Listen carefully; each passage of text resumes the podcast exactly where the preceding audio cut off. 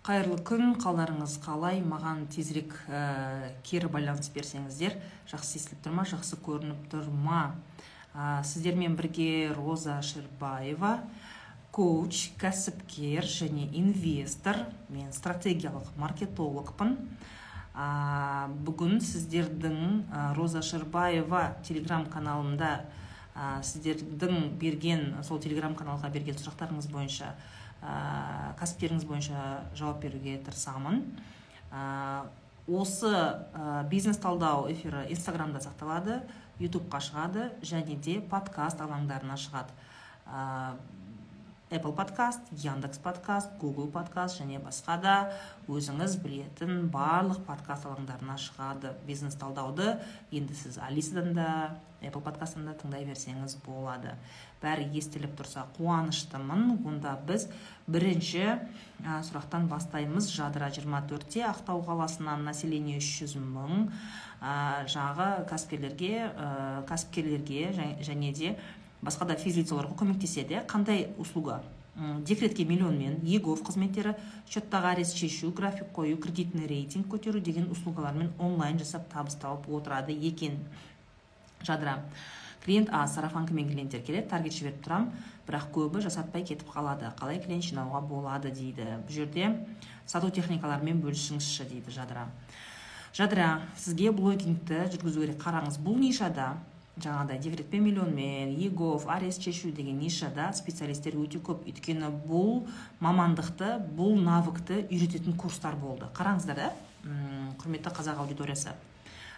Қайсы курс хит болады сол мамандар нарықта көбейеді. Иә мысалы посуточный квартира тапсыру курсы хит болды ма барлығы посуточный квартира тапсыратын болып кетті ә, осы егов арест шешу деген сол курстар хит болған кезде сондай мамандар көбейді ана бір киізден домашний ойыншық па еді ағаштан ойыншық па не знаю сол игрушка бойынша курстар хит болып еді. Содан кейін сондай мамандар нарықта толып кетті. Сіздер қарауларыңыз керек иә? Көптеген эксперттер мысалы үшін менің курстарым ол мышление туралы иә өзіңнің ә, эффективностіңді иә это техника эффективного мышления это улучшение качества жизни через мышление. Иә ойлау жүйесін өзіңмен жұмыс істеу өзіңнің эмоцияларыңды тану иә эмоциональный интеллект критическое мышление деген сияқты софт skills жұмсақ қабілеттер бойынша курстар болатын болса және менің курстарыма ә, сұраныс постоянно болатын болса көп эксперттер кәдімгі твердый навык иә hard skills үйретеді. Ә, мысалы таргет деген сияқты осындай ә, жаңағыдай егов шешу бірдеңе иә яғни сізге айтады үйде отырып осындай навыкты осындай қабілетті үйреніп сонымен ақша табыңыз дейді. Енді қараңыз қай курс хит болады сондай маман көбейеді. Кезінде вайлберис хит болды вайлберис мамандар көбейді деген сияқты. Нарықта осындай нәрсе бар. Енді қазір сізде жадыра. Тура осы егов арест шешу деген мәселеде конкуренция өте көп эксперттер өте көп и олардың арасында конкуренция мен эксперт көп ә, нишада қалай сатасың? Ол жерде сен личный брендті жасау керексің иә? Жеке бренд жасау керексің. Сенің жадыра екен ақтаулық жадыра молодец кредитный ә, ә, жаңағыдай проблемаларды график қоюды шешетін вообще мощный эксперт ақтауда номер один болу керексің да. Егер сенде ондай амбиция болмаса онда үлкен ақша табу қиын болады. Үлкен ақшаның артында амбиция болу керек жадыра понимаешь? Ә, сондықтан да ә, саған ә, жеке брендті дамыту керек. Жалпы осы саланы иә адамдарға осындай заң мәселесінде көмектесу ә, осы саланы дамытқың келетін болса онда заңгерді оқы юридическийді оқы заңдарды көбірек біл сол туралы ортаңа өзіңнің аудиторияңа айтып бересің эфирде болсын стористарда болсын тик ток арқылы болсын айтып берген айтып беру арқылы сен өзіңе не істейсің? Доверие. Иә өзіңе доверие өзіңе деген ә, басқа адамдардың аудиторияның саған сенгені. Неге саған клиент келеді да бірақ алмай кетіп қалады? Өйткені саған сенбейді. Сенің маман екеніңе сенбейді. Нарықта өйткені арест шешу егов бойынша мамандар өте көп. И клиент іздеген кезде бүйтіп инстаграмда арест шешу бірдеңе деген іздейді да көп шығады. Соның бәріне хабарласып шығады. Қанша қанша қанша қанша қанша деген сияқты. Сөйтеді де ол мәселеде ә, қайсысы арзан соны алып кетеді. Бұл жерде конечно сен бағаңды түсіріп клиентті алып қалуыңа болады. Бірақ сен андай ощущение андай болып тұр сонша жұмыс копейка деген сияқты да көрдің ба? Бұл жерде ә, сен бағамен емес сен өзіңнің атыңмен иә? Жадыра деген жадыра базарбаева ақтауда номер один гегов маманы деген сияқты. Осындай бір жеке брендті дамытпасаң отзывтарыңды шығармасаң алмайды. Имейте в виду иә? Яғни осыны эфирдан эфирге айтып келе жатырмын. Конкуренциясы көп эксперттері көп нишада жеке бренд дамыту сенің міндетің әйтпесе аштан өлесің. Так басқа ә, тағы не айтамын деп едім. Сосын осы жерде момент декретке миллионмен шығаратындар. Болды уже ол услуганы сатпай ақ қойсаңыздар болады. Келесі жылы ә, ол услуганы сатпай ақ қойсаңыздар болады. Келесі жылы сіздер ә, уже ол услуга болмайды да. Болғанда да негізі декреттен миллионға шығу ол дұрыс нәрсе емес. Ол мемлекетті алдау арқылы мемлекеттен ақша алу. Қойыңыздар иә? Ондай ә, қылмысқа сіз соны әйелге басқа адамға көмектесу арқылы ондай қылмысқа м бармаңыздар. Ондай қылмысты жарнамаламау керек. Ол мемлекеттен ақша ұрлау яғни сен на самом деле жұмыс істемейсің сен пенсионға құясың якобы сен үш жүз мың төрт жүз мың бес жүз мың алты жүз мың тауып жатырмын деп сөйтесің де мемлекеттен ә, одан екі есе ақша шығарасың. Это обворовывание государства. А вы это рекламируете. Яғни ә, тонаудың тонаудың мемлекетті тонаудың ә, тонауға сендер атсалысып жатсыңдар и не надо вот эти вот отговорки типа мемлекетте біздің ақшамызды жеп жатыр то деген сияқты әңгіме айтпаңдар иә? То есть если мынандай да ақтаудың қажеті жоқ ақтаудың қажеті жоқ біреу ә, сені сен расында мемлекет сенің наныңды жеп жатса разговор другой ты можешь подать в суд қазір бір минут здрасте что А, пожалуйста. А я думаю, я точно бронировала? А, все понятно. без проблем. яғни ә, кешірім өтінемін яғни бұл жерде мынандай мәселе сіздер все можно дверь закрыть сможете не сможете давайте мой заберите простите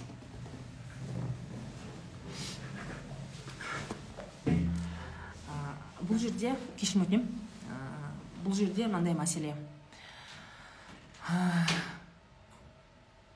заң деген нәрсе бар да ә,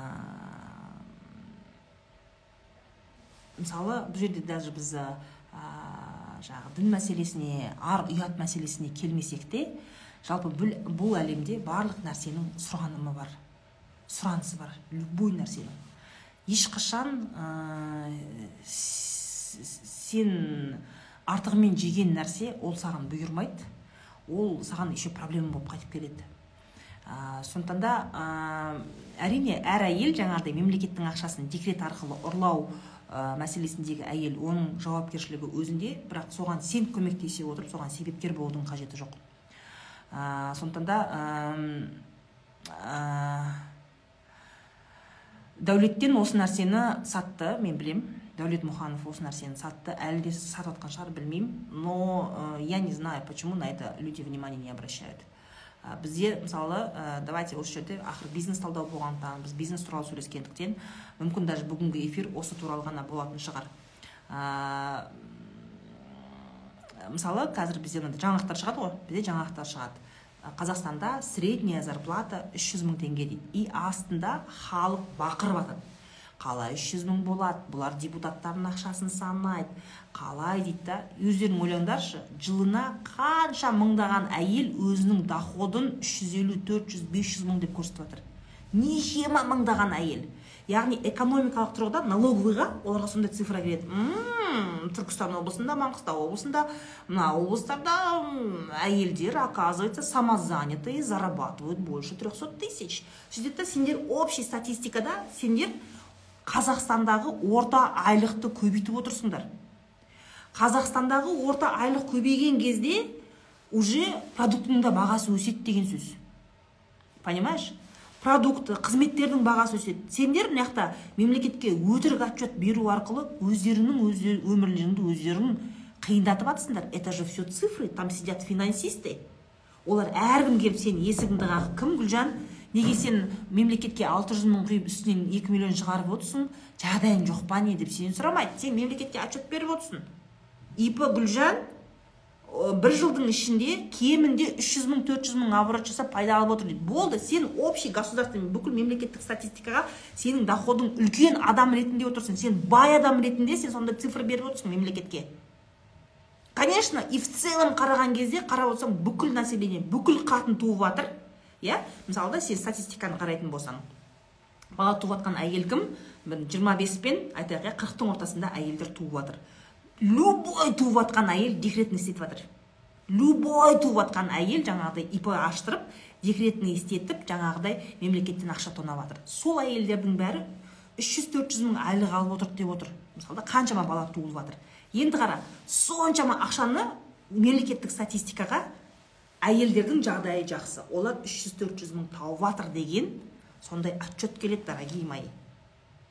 Енді ары қарай так халықтың табысы жақсы екен онда баға мынаншаға көтеріледі онда мынау мынаншаға көтеріледі дейді да бүкіл қызмет бүкіл пәтердің ақшасы бүкіл тауар бәрі көтеріледі. Өйткені халықтың жағдайы жақсы. Осы ана тенгринюста ә, шығады ғой жаңалық. Средняя зарплата по казахстану 320 тысяч теңге деген кезде бәрің астында құсып атасыңдар. Міне өздерің сондай отчет беріп отырсыңдар. Понимаешь? Өздерің сондай отчет беріп отырсыңдар. Экономиканы расшатываете вы. Вы это расшатываете. Вы сидите дома вы где-то берете деньги вы воруете деньги у государства. И это в огромных масштабах к сожалению в огромных масштабах. Дәулет мұханов неге ол нәрсені жасағаным? Мен үшін беймәлім. Мен үшін беймәлім. Мен біреу үшін жауап бере алмаймын. Бірақ бұл ситуацияның дұрыс емес экономикалық тұрғыдан дұрыс емес екенін оны сіздер білсеңіздер де білмесеңіздер де факт сол. Это расшатало всю экономику казахстана. Всю экономику казахстана. Бәрің как будто байсыңдар мемлекетке беретін отчеттарың сондай енді бұйырса келесі жылы міне жиырма төртінші жылы біз барлық бүкіл халықтық декларация тапсырамыз. Ә, жалпы осы егов анау мынау мамандары осы мәселесі бойынша тоже білім алыңыздар налоговый инспекциямен сөйлесіңіздер. Ә, өйткені көп адамдарға консультация керек болады. Одан бөлек құрметті менің аудиториям жиырма ой жиырма осы жұмада білесіздер менде түнгі шай болады және түнгі шайға маған қонақтар келеді ғой. Бұл жолы ә, қонақ түнгі шай түнде болмайды. Өйткені мен қонаққа біздің налоговый департаментті шақырамын. Ә, бостандық ауданының ә, жаңағы ә, кіріс департаменті дгд департамент госдоходов ә, бостандықского района. Сол кісілерге мен қонаққа барам. Сағат бесте біз қазір ғана келістік. Сағат бесте. Сол жердің мамандарымен декорацияға қатысты барлық сұрақтарыңызға жауап беруге тырысамыз. Сондықтан да ә, осы аптаның жұмадағы түнгі шай ертерек өтеді. Ол ә, жаңағы бесінші ай болайын деп тұр ғой енді по факту. Ну түнгі шай рубрика рубрикасының аясында ә, біз сағат бесте алматы уақытымен он жеті нөл нөлде департаментке барып налог именно салық мамандарынан жаңалықтар туралы еститін боламыз. Міндетті түрде эфирге келіңіздер. Яғни осы не бойынша иә декретпен миллион деген қызметті уже қойыңыздар. Келесі жылы это вообще опасно будет опасно. Мынау көбісі жаңағы всеобщий декларацияны білмейтіндер уже екі қабат болып пландап ип ашып отқан болсаңдар придется уже отказаться. Так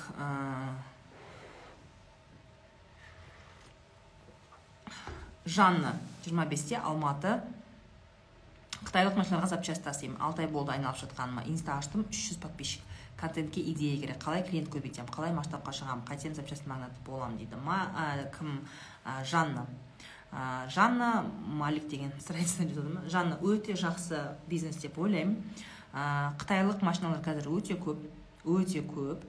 Ә, қытайдан тек қана ә, бұл енді қытайлық қандай машина болып тұр ғой? Не еді әлгі бензиновый машиналар болып тұр ғой қазір қытайдан өте көп электрокарлар келеді бірақ электрокарларға запчасть керек емес білесіздер иә? Вообще по электрокарам если сказать қазір барлығы алып жатыр. Көреміз бірінші қыс қалай өтеді екен. Қазірдің өзінде қазақстанға жеті мыңнан астам қытайлық электрокарлар кіріпті. Жеті мыңнан астам осы жарты жылдың ішінде ма? Это какие машины? Это какие деньги? Адамдар қандама қаншама ақшасын ә, рисковать етіп салып көріп жатыр ә, бүкіл дүйім халық болып электрокарлар как себя поведут в нашей стране? Ә, көреміз енді. Әрине алған кезде бұзылмайды үйтпейді бүйтпейді маған да айтып жатыр алыңыз алыңыз деп. Ә, бірақ мен өте осторожный адаммын. Ә, мен ақшамды онда мұнда сала бермеймін. Мен көруім керек. Мысалы егер біз бензиновый машина алатын болсақ бензиновый машиналардың тарихы жүз жыл. Кемі жүз жыл. Иә яғни бензинде жүретін машинаның ә, как он себя поведет какие рискованные моменты қай жерде ә, яғни бүкіл рисктары уже просчитанный жүз жыл бойы это обкатанный продукт. Электрокарлар ә, міне алды тесла шықты. Ә, одан кейінгі машиналар как себя поведут мы не знаем. Жаңағы ә, литий ионовый батарея дей ма ол бәлелер жарылады екен оказывается. Қазір мчстан мчстан не шықты приказ шықты. Жаңағы электрокарлардың зарядкасын нелерге паркингтерге қоюға болмайды. Паркингтерге қоюға болмайды. Өйткені зарядканың моментінде машина атылатын болса ананы пожарныйлар өшіре алмайды машинаны пожарный өшіре алмайды анау жаңағы не батарея жаңағы электрокардың батареясы будет гореть до конца будет гореть очень долго. Такие риски были. Иә сен обычный машинаны егер бензиновый машина ә, жаңағыдай не қылатын болса өртенетін болса сен оны әйтеуір бүйтіп бүйтіп өшіресің да. Бірақ ә, электрокар ә, электрокарлар олар өшпейді. Өшу қиын олар сутками могут гореть оны обычный пожарныйлар өшіре сондықтан да бізде мчс білмейді. Ол машиналар егер жанатындай болса қалай өшіру керек екенін білмейді. Сондықтан да олар қазір запрет жасап отыр ә, жаңағы зарядкілерді электрокардың зарядкасын парковкаға қоюға болмайды деген. Біздер қазір біздің өзіміздің домда бізде көп машиналерде бар ә, бүкіл көршілер жиналып сол приказға қатысты мы сейчас просим электрокар барларды ә, жаңағы зарядкілеріңізді шығарып тастаңыздар деп. Өйткені именно зарядкіде тұрған кезде атылады екен ол бәле. Ә, сондықтан да ой қорықпаңыздар деген сияқты. Қанша дегенмен электрокар деген тауардың нарыққа келгені міне әлі көп емес әлі тестіден өткен жоқ. Ол автокар жаңағы бензиновый машина сияқты емес.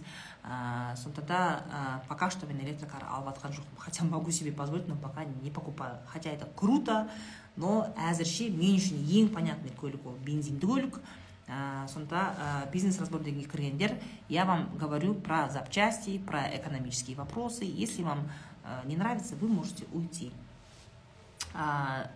Яғни қазіргі кездегі осы кәсіпке қатысты басқа да қатысты жаңалықтарды я вам все равно буду комментировать. Енді по запчастям.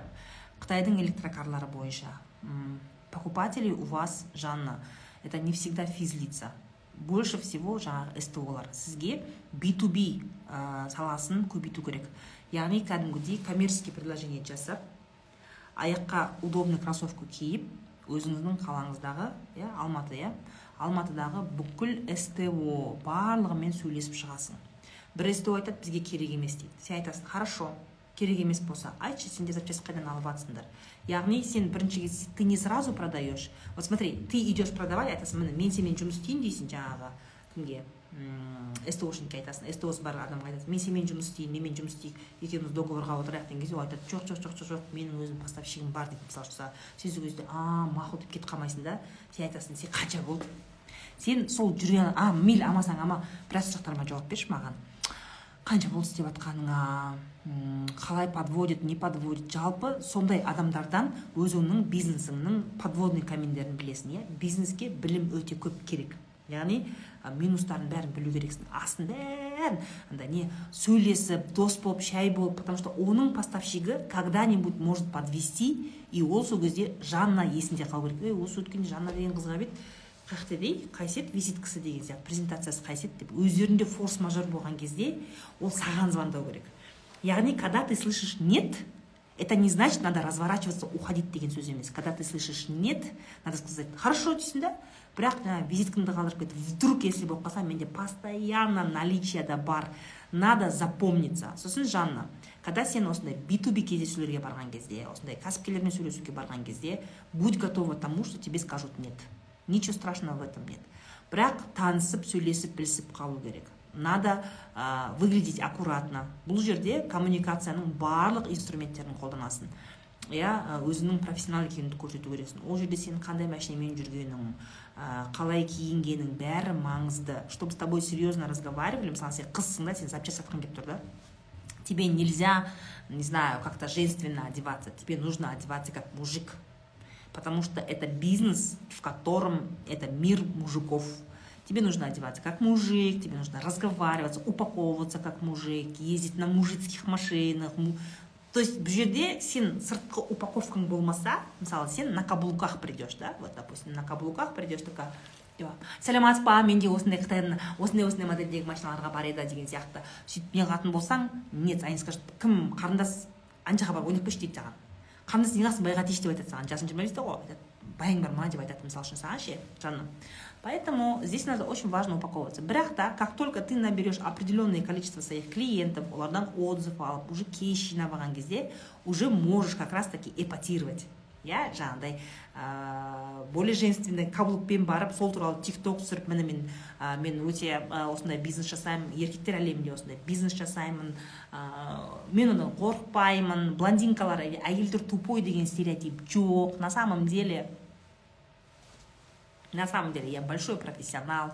Мен мына запчастьтардың бәрі қалай аталатынын қандай модельге кететінін бәрін білемін иә сол жерде сен эксперттік нелер көрсетуге болады да. Блин будешь продавать просто номер один болсын жанна.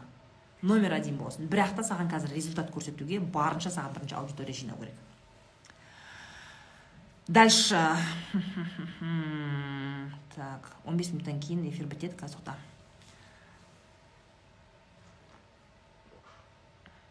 Ә, так ә, секс шоп туралы алдыңғы эфирлерде бар. Ә, это я для айша қойбекова.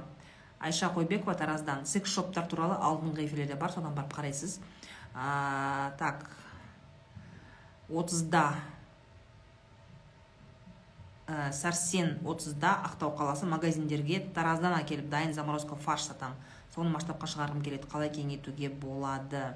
Ә, сіздікі b2b бұл жерде сіз сәрсен сіздің жұмысыңыз просто жаңа айтқанымдай b2bде ол жерде адам жаңа продукциясын алып күшті болып киініп алып аккуратно сөйлеуді жөндеп каталогтар бар неңіз бар. Сонымен прям барасыз. Сіздің фаршыңыз магазиндерге керек ресторандарға кішігірім кафелерге керек. Барлығына прям ножками ножками барып сатасыз. Бұл b2b сіз бизнеске қызмет көрсеткендіктен ә, барынша мысалы бизнеске қызмет көрсететін маған да эксперттер келді әртүрлі таргетолог деген сияқты видеограф басқа деген сияқты. Мен бірінші болып қанша дегенмен ана по одежке встречают демекші бірінші болып сырт бейнесіне қараймын. Как человек аккуратно одет насколько его внешность соответствует его профессии. Иә ерігіп жүрген жоқ. Бұл точно фарш сатудың маманы. Именно фарш.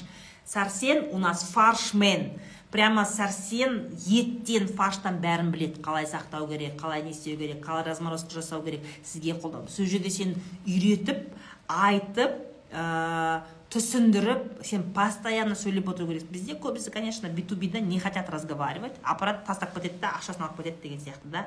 Но когда ты хочешь масштаба и когда ты хочешь чтобы бүкіл ақтау маңғыстау тек қана сенің фаршыңды алғың келетін болса онда сен сөйлеу керексің. Онда сен сөйлеу керексің өзіңнің профессионализміңді сөзіңмен сырт бейнеңмен машинаңмен көрсетесің. Андай мысалы үшін фарш ол ет қой иә. Бір анау салабайы шығып кеткен жаңағыдай краскасы ұшып кеткен сондай бір өзі әбіржіп тұрған машинамен баруға болмайды. Машинаң деген тап таза болу керек. Өзіңнің киімің тамақ сатқан адам тап таза болу керек. Да вот не знаю ногти постриженные все это вызывает доверие. Иә сатуда мысалы личный ол да мысалы сен би ту би мамансың ғой. Иә яғни сен бизнеске көмектесетін кәсіпкерсің упаковка твоя внешняя упаковка сәрсен она очень важна. Поэтому сырт бейнені жөндеу керек. Бұл эфирді әйеліңе де көрсет. Вдруг басыңды жөндеп жатқан кезде әйелің ойлап қалмасын сенің любовница тауып алды деп. Так мен бизнес үшін осындай упаковка жасап жатырмын деп айтасың. Так та та та та та та та та продленка жайлы жанар серікқызы қойыпты. Қызылорда қаласынан ол туралы мен талай эфирлерде айтқанмын. Бұрынғы эфирлерді қараймыз. Так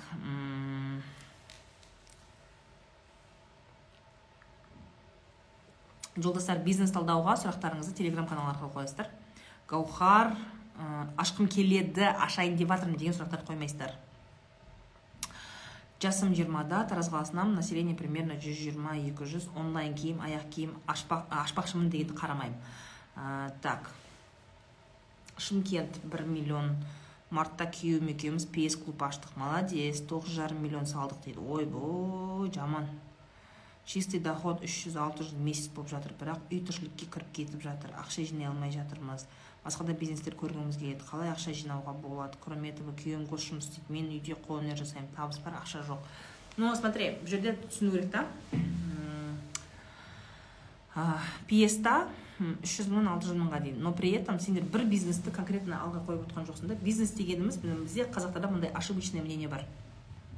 Мынандай бір ошибочное мнение бар да. Бизнесті ашып қойсам өзі жүре береді деген сияқты. Ни хрена. Бизнесті ашып қойсаң өзі жүре бермейді. Мысалы сен плейстейшнді ашып қойдың и скорее всего сенің ана жердегі администраторың дұрыс сатпайды. Плейстейшн клубтың бір жақсы жері. Сен арендаға плейстейшнды да қоясың келіп сол минуттарыңды сатасың сағаттарыңды сатасың. Плюс сен ол жерде тамақ напитки чай сатасың иә? Чипсы бірдеңе яғни ол жерде двойной доход бар да? И ол жаңағы дополнительный доп продуктылардың сатылуы сенің администраторыңа байланысты. Администраторың слабый болатын болса ол өтпейді.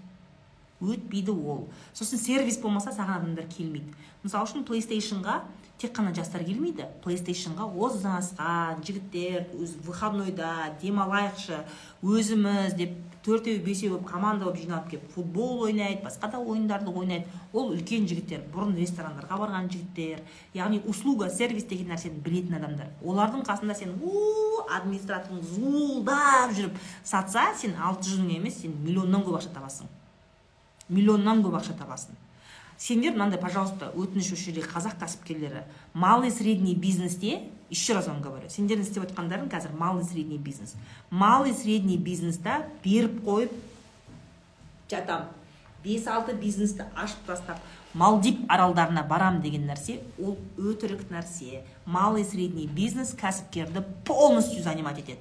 Яғни қара сіздің күйеуіңіз госслужбада сіз өзіңіз қолөнер істеп жатсыз он миллион теңге салып плейстейшн аштыңыз ол плейстейшнның қызығын администратор көріп жатыр ә, или вообще сауда болып жатқан жоқ қолөнерді не үшін істеп жатқаның непонятно. То есть зачем? Қолөнер мен плейстейшн екеуінен қалай не істейсің?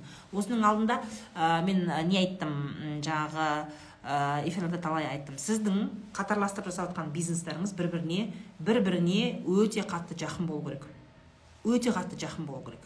Иә мысалы жаңағыдай егер плейстейшн аштыңыз аштыңыз ба қасына пиццерия цех ашуыңыз керек та сол ананың пиццасын мына жаққа сатып мына жақтан сол клиенттерді айналдырып отыратындай. Ол бір біріне көршілес болу керек. Понимаете? Бір біріне көршілес болу керек. Әйтпесе мына жақта қолөнер мына жақта плейстейшн екеуі не плейстейшнға келген сонда сен жалпы кәсіпкер ретінде маркетингке екі есе ақша құртасың. Иә қолөнерді сатуға сен клиент әкелуге тағы ақша құртасың. И плейстейшн сатуға сен оған яғни сенің маркетингке кететін рекламаға таргетке кететін ақшаң екі есе өседі. Ал егер сен жаңағыдай бизнестерің көршілес болатын болса сен сол көрші бизнестерді бір біріне туысқан бизнестердің ортасында маркетингке бір ақша саласың да бір бірлеріне матч ете бересің бір бірлеріне дос қыла бересің да понимаешь? Нет вас разгоняет. Мына жақта мынау мына жақта мынау. Сен определись для себя. Айтып отырмын еще раз малый средний бизнеста бизнес өзі жүре береді и мен мына жақта оның ақшасын жинап алып кайфовать етемін деген нәрсе жоқ. Малый средний бизнесті істеймін деп басыңмен кірдің ба сен оны істейсің. Немесе істемейсің немесе осындай. Табыс бар но ақша жоқ. Ақша жиналмайды деген әңгіме осыдан болады. Иә жанды салып тұрып анау салған он миллион теңгені тезірек шығарып алудың амалын жасау керек қой. Бизнес жасаған кезде кәсіп жасаған кезде жамп тұру керек жамп өзі бизнес ақша әкеле береді и мен малдив аралдарында жүре беремін болатын болса ол уровень это крупный бизнес. Когда у тебя производство заводы фабрики цеха и то цехтың несіне байланысты. Жалпы крупный бизнес сен ндс төлейтін үлкен командаң бар. Өзі бизнестің өзі классифицируется да? Малый средний крупный бизнес. Ана жақта мына крупныйдағылар олар мальдив араларында аралдарында алаңсыз демалады. Оның миллиондаған замдары зам производство бәрі бар. Олар спокойно демалады да өзі ақша қалтаға түсе береді. Малый средний бизнеста ондай роскошь жоқ. Забудьте об этом. Осы жерде отырған барлықтарыңыз кәсіпті істейсің ба до конца істе. Істемейсің ба онда не играйся в это. Иди на госслужбу. Иди на госслужбу. Понимаешь? Осы нәрсені түсіну керек. Кәсіп ол ол сондай нәрсе. Кәсіпкердің өмірі кәсіпке арналады. Так дальше. Жаңа плейстейшнды айттым ғой да. Администраторыңыз пысық болу керек немесе өзіңіз боласыз. Сол жерге келген клиенттерге кәдімгі кафедегідей услуга жасайсыздар. Полностью мысалы үшін сіз плейстейшнда білесіз иә? Плейстейшнда кресло маңызды. Егер ә, клиенттің отыратын креслосы неудобный болса ол сізге екінші рет келмейді. Егер барлық ыңғайлы мына жерінде столигі бар ыстық шайды әкеліп тұрсаң иә ол өйткені ойнап отыр ол қалтасында каспиінде ақша болса ойнап отыр ғой каспиінде ақша болса ол сол жерде отырып жей береді. Жаңағы пиццасы бар басқасы бар сөйтесің да жаңағы сэндвичі бар чипсы бар басқасы бар. Сен соның үстінен де ақша табасың ғой жаным ау ол ойыннан шыққысы келмейді. Плейстейшндағы клиент классный клиент офигенный клиент. Да. Ол өйткені ақшасы бар ол отыр оның просто аузына шай мен тамақ тыға беру керексің. Шай мен тамақ тыға беру керексің. Оны сен істемейді ғой сенің администраторың. Отыр ғой лағып. Отыр ғой лағып ол істемейді ғой оны. Ақшаны саласыңдар он миллион теңге қып қызыл ақша салып алып отырсыңдар енді.